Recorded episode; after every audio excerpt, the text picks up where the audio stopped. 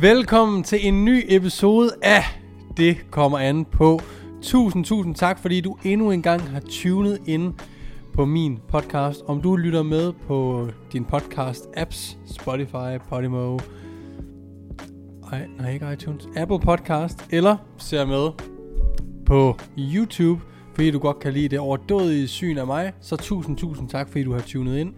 Øhm, som vi snakkede om, eller som jeg snakkede om i forrige episode, jamen, så er mit Power Building program ready for signups. Så hvis I, øh, jeg vil lige hurtigt give et skud ud for det her overdådige program, og den her overdådige app, der kommer til at være. Øh, inde på min hjemmeside kan I læse meget, meget mere om det. Men det er egentlig et ongoing power building program. Power building er det her, hvor vi både ønsker at blive større og stærkere på samme tid. Typisk stærkere i squat, bænk, dødløft. Øhm, I kan sign op ind på min hjemmeside. Programmet starter den 15. august. Derefter så vil tilmeldingerne lukke i fire uger, inden de så vil åbne op igen. Grunden til det er, at man kører en fase øh, sammen, som dem, der har meldt sig til. De kører ligesom fasen sammen, inden at man lukker nye ind, således at man ikke kommer ind i en øh, midt ind i en træningsfase, basically. Så det er derfor, at der vil være tilmeldinger løbende. I vil se, der vil åbne og lukke. Det er ikke øh, et eller andet øh, cheesy salgstrik, for det ville faktisk være nice, hvis der bare var åben for tilmeldinger hele tiden, to be honest. Øh, men sådan, det er faktisk, det har været den, og er stadigvæk, tror jeg, den største udfordring med at lave et ongoing program, som man gerne vil have alle til at følge på samme tid. Øh, hvor at, at der kommer folk ind løbende.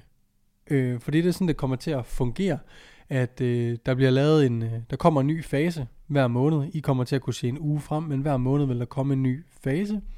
Og øh, det er så min brillante hjerne, der skal udtænke et program, som gør, at man både kan komme ind i, øh, i hvilken som helst fase, mere eller mindre. Så gå ind og læs om det. Stil jeres spørgsmål, hvis I har nogen. Enten skriv til mig ind på Instagram, skriv mig en mail, eller skriv en kommentar her på øh, den her podcast, hvis I skulle have spørgsmål til noget af det, jeg siger i dag. Så tjek det ud ind på min hjemmeside, www.mortennp.dk. Det koster 5,99 kroner om måneden at være medlem, og øh, det er fordi, man får overdådig sparring af mig og alle andre i fællesskabet derinde. Og derudover så kommer programmet også i en super, super lækker app.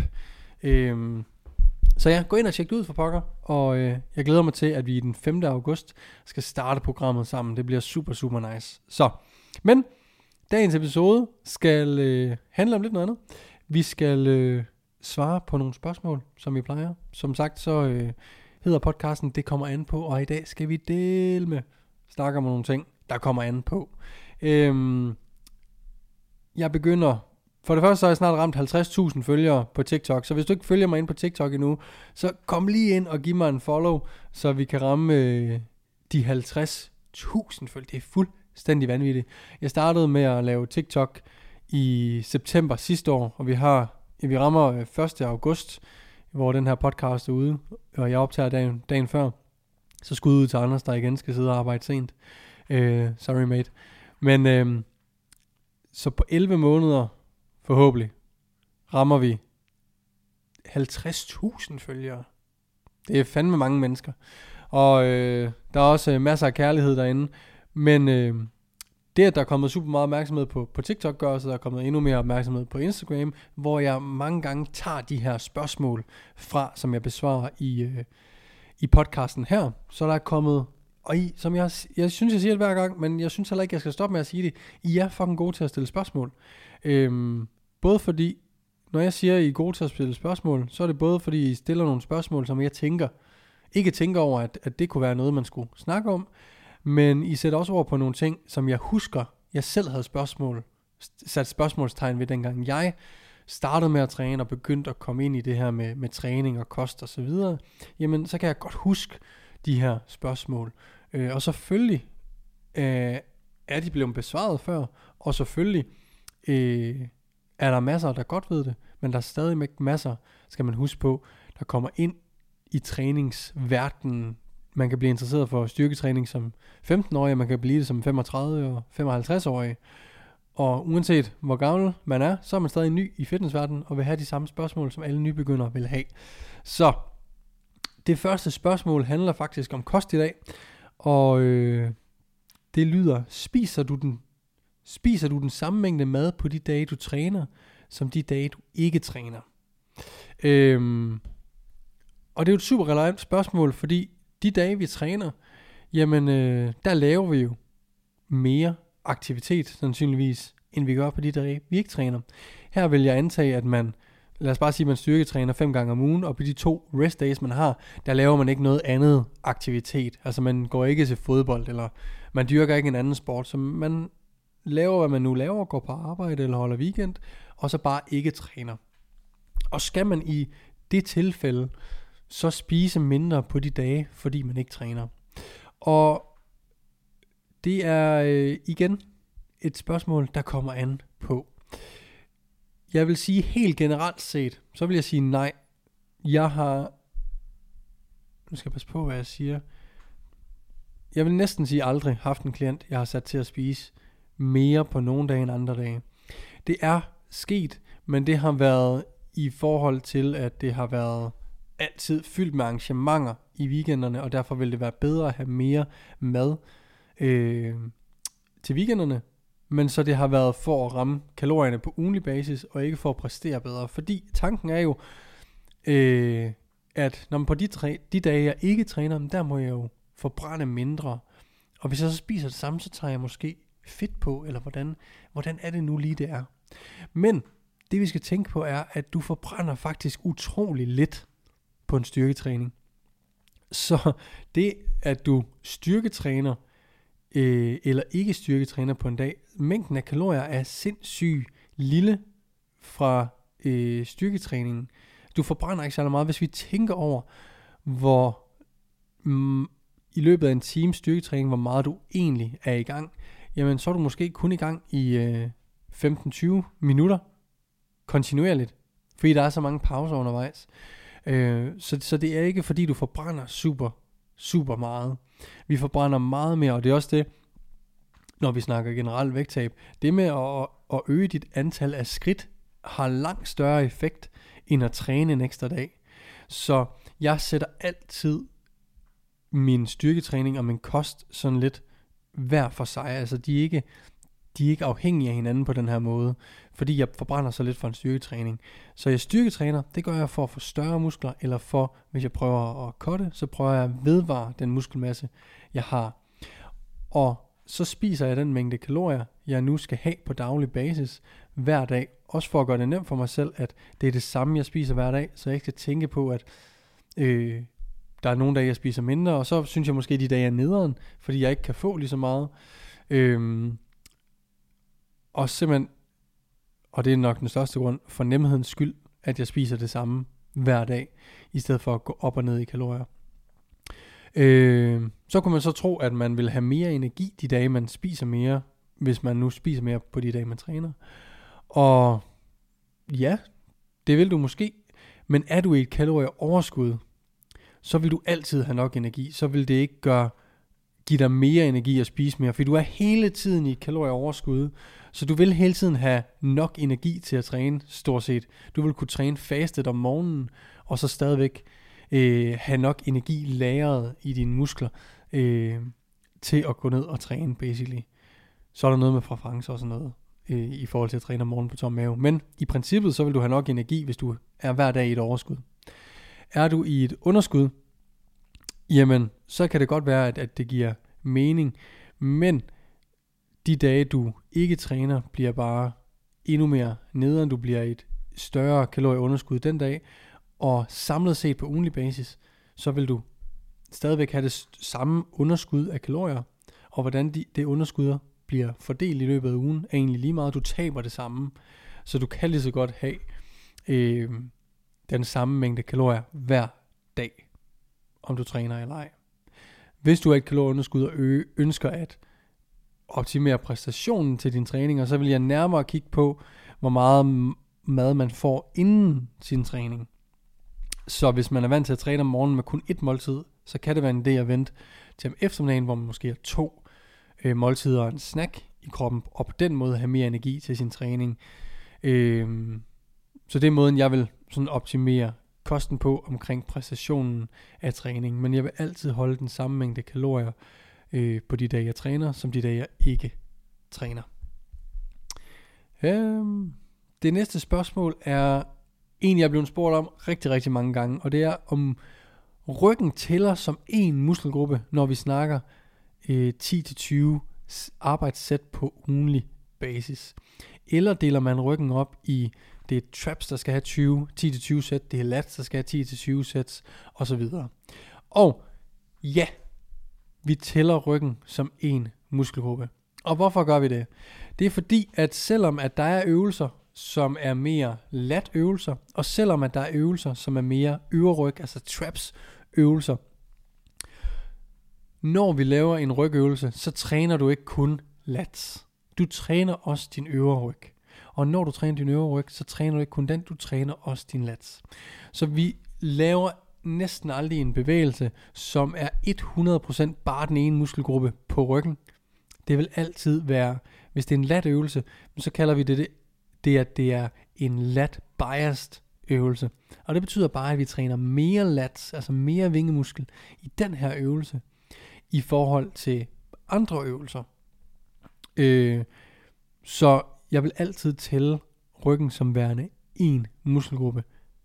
Dog, hvis vi nu gerne, hvis vi nu har nogle gode traps, men har nogle relativt øh, underudviklede vingemuskler i forhold til vores lat, eller vores traps, eller vores øvre ryg, jamen så vil mere af den her, lad os bare sige, at vi har 20 sæt på ugenlig basis til ryggen, så vil 5 eller 6 af sættene måske gå til øverryg specifikt arbejde, så altså øverryg biased arbejde, og de 15 til 14 sæt vil være mere lat biased øvelser. Øh, så på den måde vil jeg dele det op, at okay, jamen min lat skal bare have mere, øh, en højere procentdel af min samlede volumen skal gå til latsene, fordi det er dem, jeg synes, der er lækker. Så, men hver gang jeg laver en lat, altså min 14-15 sæt til lats, vil ikke kun træne lats, så det er ikke, der vil være nogle halve sæt hister her til den øverste del af ryggen. Og det er derfor, vi ikke deler det op på den måde, fordi så vil lats slet ikke skulle have det vil stadigvæk skulle have øh, 10-20 ugenlige sæt, men så skal vi til at tælle halve sæt, så hvor meget øverryg var der i den her lat, ø, lat bias øvelse osv. Og, og så bliver det lige pludselig en super pøvlet måde at tælle sæt på. Og hvor mange sæt fik jeg egentlig til lat, og hvor mange sæt fik jeg egentlig til øverryg.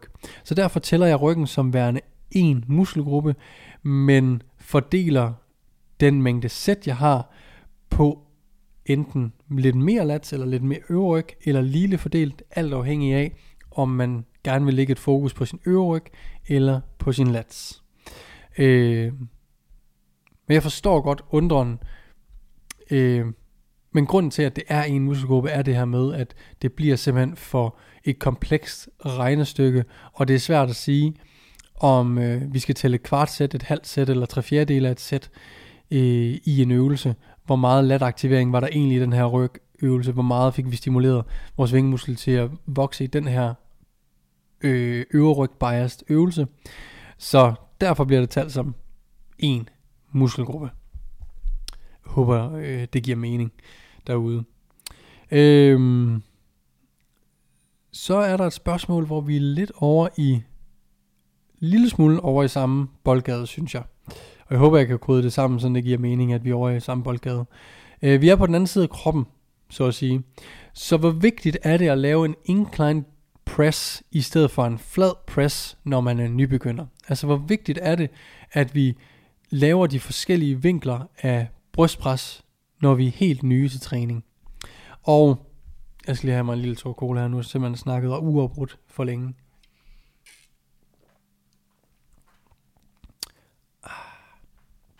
Ej, hvor er den dejlig kold. Så. Brystet kontra ryggen er anderledes i den forstand, at... Åh, hvordan skal jeg lige dele det her op? Øhm, Lad os lige spole tilbage til ryggen igen. Så vi har det her med, at der er øvre ryg, biased. Det er rigtig godt, hvis du ser med på YouTube nu. Men jeg skal nok prøve at forklare det så godt jeg kan. Øhm, men på YouTube viser jeg også lidt. Ryggen er delt op i sådan store træk. Øvre ryg og lats. Når vi laver diverse row og pull down varianter. Når vi vil træne øvre ryg, øh, om det er i en pull down eller en row bevægelse, når vi har albuerne ude fra kroppen, så vil vi træne hovedsageligt den øverste del af ryggen. Det er uanset om vi laver en pull down eller en row. Har vi albuerne inden til kroppen, helt ind til siden, så vil vi være mere lat biased, uanset om det er en row eller pull down. Og her skifter vi imellem altså decideret forskellige muskler. Det vil sige, latten er sin egen muskel, altså vingemusklen er en muskel, og trapezius, altså den, der sidder imellem vores skulderblade, er en anden muskel. Når det kommer til brystet, så deler vi det også op i, at man laver en skråbænk, en flad bænk, eller en decline, altså incline, flad, eller incline, decline, bænk. You get it. Men forskellen i forhold til ryggen er, at det her er én muskel. Der er kun, vi har to brystmuskler, men når vi øh, ændrer bænken vinkel, så snakker vi sådan set om, at bias forskellige fibre i den samme muskel. Så hvis du kigger med på, på YouTube igen, så ligger jeg min hånd her på brystet. Jeg lægger min højre hånd, spreder mine fingre alt jeg kan, og lægger min højre hånd på mit højre bryst. Det vil sige, at øh, mit håndled, det er øh, cirka ude under min øh, armhule, og så mine fingre, der rammer tommeltotten øh, mit kravben, eller den peger op mod mit kravben. Min pegefinger rammer lige ind i mit kravben, og øh, min øh, fuckfinger og ringefinger rammer mit øh, brystben ind i midten, og min lillefinger peger ned og rammer den nederste del, øh, den øverste del af vores, øh, hvad hedder øh, ribben under brystet. Sådan her, hvis du kigger med. Og øh, mine fingre dikterer, hvilken vej muskelfibrene peger. Så når vi siger, at vi laver et incline dumbbell press, så har vi mere skulder flexion. Det vil sige, at vi presser øh, vægten mere opad. Og derfor træner vi måske lidt mere den øverste del, altså de øverste fibre, de fibre, som hæfter på vores kravben. Øh, alt kommer og det hæfter nok egentlig ude på humerus, altså ude på vores overarmsknogle. Øh, så alt sammen det samles ude i armhulen og sidder på vores overarmsknogle, og så sidder det fast enten på vores kravben, inde på vores brystben, eller hernede under på vores øh, ribben. Og når vi træner en incline dumbbell press, så er vi mere biased de øverste fibre, altså dem, som sidder på vores kravben. Når vi laver en flad bænkpres, jamen så er det mere de fibre, som sidder inde på vores brystben, altså her i midten. Og når vi laver noget decline, jamen, så er det de fibre, de kostale fibre, der går ned og hæfter øh, under, ned på vores, hæfter de på vores ribben, det er jeg lidt usikker på. Det er også lige meget. Øhm, men uanset hvad faktisk, når du laver en brystpresøvelse, incline, flad eller decline, så arbejder hele brystmusklen. Men det handler om, hvilken vej vi sådan set presser, om vi biaser den ene eller den anden type muskelfibre, basically, om det er den øverste del, midterste eller nederste. Og nu til svaret på spørgsmålet. Jeg tror, at det er fucking ligegyldigt, om du laver en incline dumbbell press, eller en flad dumbbell press, eller en decline dumbbell press, når du er nybegynder. Jeg vil næsten altid lave en en blanding. Jeg vil altid holde det meget simpelt, når det er øh, en nybegynder. Typisk vil jeg bare lave en flad dumbbell press, men du vil ikke nødvendigvis få mere øh, incline øh, øvre bryst som nybegynder, hvis du bare laver incline presses. Det vil i hvert fald være meget let, tror jeg. Igen, fordi det er hele musklen, vi altid træner, så tror jeg ikke, at vi kan træne vores øvre bryst i så høj en grad, som vi måske har troet før hen. Og vi har lavet en rigtig interessant episode på Der Køres. Den hedder noget med Weak Points. Øhm, man kan gå ind og høre, hvor vi har en lidt øh, længere snak omkring det her. Øh, men jeg tror ikke, at vi kan target og bias vores øverste brystfiber lige så meget, som vi troede engang. Jeg tror ikke på, at du kan ændre i, hvor stort et upper chest du har, øh, med mindre at du giver det fucking 5 år eller sådan noget. Jeg tror, der skal mere til, end vi lige har gået og troet. Og jeg tror, at, at uanset hvad, så skal det nok, dit bryst skal nok være fuldt udviklet, hvis du bare træner det hårdt, og du er vedvarende og øh, skadesfri i så lang tid du overhovedet kan, og træner så seriøst du overhovedet kan. Øh, så jeg vil sige, det er fuldstændig ligegyldigt for en nybegynder, om du laver en incline eller flad. Jeg vil typisk vælge en flad, hvis du er min klient, men jeg vil sige, hvis man nyder at lave en incline, mere end man nyder at lave en flad, så kan man lige så godt tage det. Så, så det er ikke fordi den ene er nødvendigvis bedre end den anden, synes jeg. Øh, her vil jeg synes, man skal lave enten en blanding, eller den man har en større præference til. Og man kan jo sagtens lave begge, for den sags skyld. Det er der jo ikke noget øh, galt i. Så øh, jeg, jeg tror ikke på, at det har den helt store betydning. Jeg laver typisk bare flad, fordi jeg føler, det rammer lidt den, den største mængde af brystmusklen. Der er ikke lige så meget skulder, det er der lidt i en, i en incline, bare en lille smule. Så vi er lidt mere på at bruge hele brystmusklen, når vi laver en flad øh, pres, end når vi laver en incline pres. Så øh, jeg vil synes, det er fuldstændig ligegyldigt, når du er nybegynder. Så det var de tre spørgsmål, vi kom igennem i dag. Jeg vil sige tusind, tusind tak, fordi I har lyttet med. Jeg vil sige tusind tak for jer, der fucking lytter med hver gang. Jeg sætter virkelig, virkelig stor pris på jer. Det skal I virkelig vide. Øhm, jeg ved, der sidder nogen derude og lytter med hver uge, og øh, ja, det er jeg ekstremt taknemmelig for. Husk at gå ind og tjekke min nye powerbuilding-program ud ind på øh, www.mortennp.dk. Der er stadigvæk gratis træningsprogrammer derinde. I kan også finde alt omkring min øh, en-til-en online eller personlig træning derinde. Øhm, det er stadigvæk inde på min hjemmeside, så gå derind og læs om det hele, hvis du skulle have lyst til at enten kigge på noget, der koster penge, eller hvis du har lyst til at kigge på noget, der koster gratis, så er det hele fandme derinde. Og øh, ja, så er det jo altså lige om lidt, jeg også starter min eget træningscenter, men det skal vi nok snakke mere om, når vi kommer tættere på. Der skal jeg nok give noget mere uddybende til det. Det kan også være, at vi skulle lave en, en øh, hvad hedder det, øh, en episode, der omhandler mit nye træningscenter. Og hvis du ikke har en ud endnu, så kommer podcasten til her sandsynligvis også til at blive skudt ned i mit nye træningscenter, fordi det er derfor, jeg fucking skal have det. Det er så, jeg kan lave alt mit arbejde et sted, øh, i nogle overdådige omgivelser. Så jeg vil sige tusind tak, fordi du følger med. Tusind tak, fordi du lyttede med. Og vi ses i næste episode. Peace.